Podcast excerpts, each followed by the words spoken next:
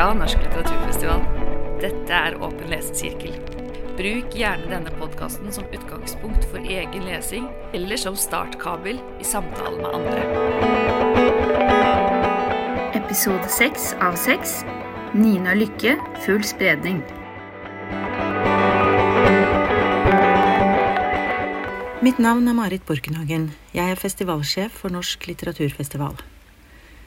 En legeroman er undertittel på Nina Lykkes siste bok, Full spredning. Jeg ser for meg hvordan forfatteren frydet seg da hun satte sjangerbetegnelsen på manuset, og gjennom det både plasserer hovedpersonen Elin inn i det miljøet hun tilhører, og viser at hun leker med sjangeren. Ti år etter debuten er Nina Lykke en av Norges mest leste forfattere. Det startet med novellesamlingen Orgien og andre fortellinger i 2009, og siden har det blitt tre romaner og et forfatterskap som er stadig mer lest og kritikerrost. I full spredning behersker Lykke til fulle balansegangen mellom det underholdende og det litterære. Boken ble belønnet med den høythengende Brageprisen. Tilbake til undertittelen en legeroman er en undersjanger innen kjærlighetslitteraturen, hvor smektende romanser mellom mannlige overleger og yppige kvinnelige sykepleiere i sykehusmiljø er de viktigste ingrediensene. Hos Lykke er det den mindre, mindre glamorøse fastlegen det handler om. Hun som befinner seg i krise både privat og profesjonelt. Hun drikker for mye, kjeder seg i ekteskapet og misliker pasientene sine. Kveldene tilbringer hun på sofaen med TV-serier mens mannen går på ski, mil etter mil, kveld etter kveld. Kombinasjonen av kjedsomheten, de udrøye vinkartongene og en viss inkompetanse i sosiale medier fører til at Elin faller for fristelsen til å innlede et forhold til en ekskjæreste fra unge år. Hun floker livet stadig mer til for seg selv og flytter etter hvert inn på kontoret. Det mangler ikke på fornøyelige episoder der hun sover i gynekologstolen og frykter å møte kollegaer mens hun sniker seg rundt i gangene utenfor kontortid. Vi er alle pasienter med et ærend hos fastlegen fra tid til annen. Slik åpner romanen. Ingen kjenner understrømmene i befolkningen så godt som en fastlege. Jeg har vært gjennom alt sammen. Glutenfritt, laktosefritt, sukkerfritt, annenhver overskrift i avisene og på nettet får friske mennesker til å tro at hvis de bare slutter å spise brød eller ost, vil alt falle på plass. De middelaldrende forstår ikke hvorfor de er så trette hele tiden. Det er fordi du begynner å bli gammel, forteller jeg dem, men de tror at dette med aldring ikke gjelder dem, slik de tror at dette med døden ikke gjelder dem, at det kommer til å gjøres et unntak i deres tilfelle. Hestehalemannen, tjukken og komikeren er eksempler på fastlegens pasienter. Som leser får vi kjennskap til enda mange flere. Minst én av dem kjenner vi oss igjen i, mens vi drar kjensel på fem andre.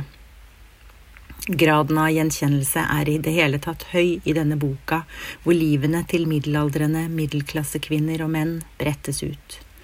Kjenner man seg ikke selv direkte truffet, har man alltids en venn eller venninne som glir rett inn. Satiren over hverdagsproblemene som blåses ut, av dimensjoner for de velstående eksistensene, er treffende. Til det pinlige og smertefulle. Alt er tatt på kornet og blir strukket litt lenger. Slik svenske Lena Andersson har skapt litteratur og humor av det kompliserte kjærlighetslivet til forfatteren Ester Nilsson, gjør Nina Lykke en fastlege i krise til forfriskende samtidsdiagnose. Andre litterære slektninger som kan nevnes, er Vigdis Hjort, Dag Solstad, Agnes Ravatn, Trude Marstein og Marit Eikemo. Hovedpersonen Elin og hennes menn er interessante å diskutere i en lesesirkel. Ta en titt på de ulike pasienttypene og diskuter om de er gjenkjennelige eller ikke. I det hele tatt, er legeromanen til Nina Lykke troverdig? Hvordan forteller hun historien, og på hvilken måte vever hun sammen fortid og nåtid? Hva slags litteratur drar romanen veksler på, og i hvilken grad lykkes den i å sette fingeren på aktuelle samfunnsproblemer?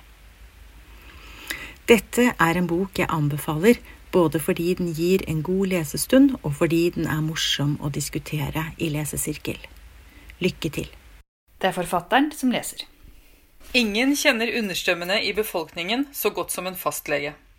Jeg har vært igjennom alt sammen. Glutenfritt, laktosefritt, sukkerfritt.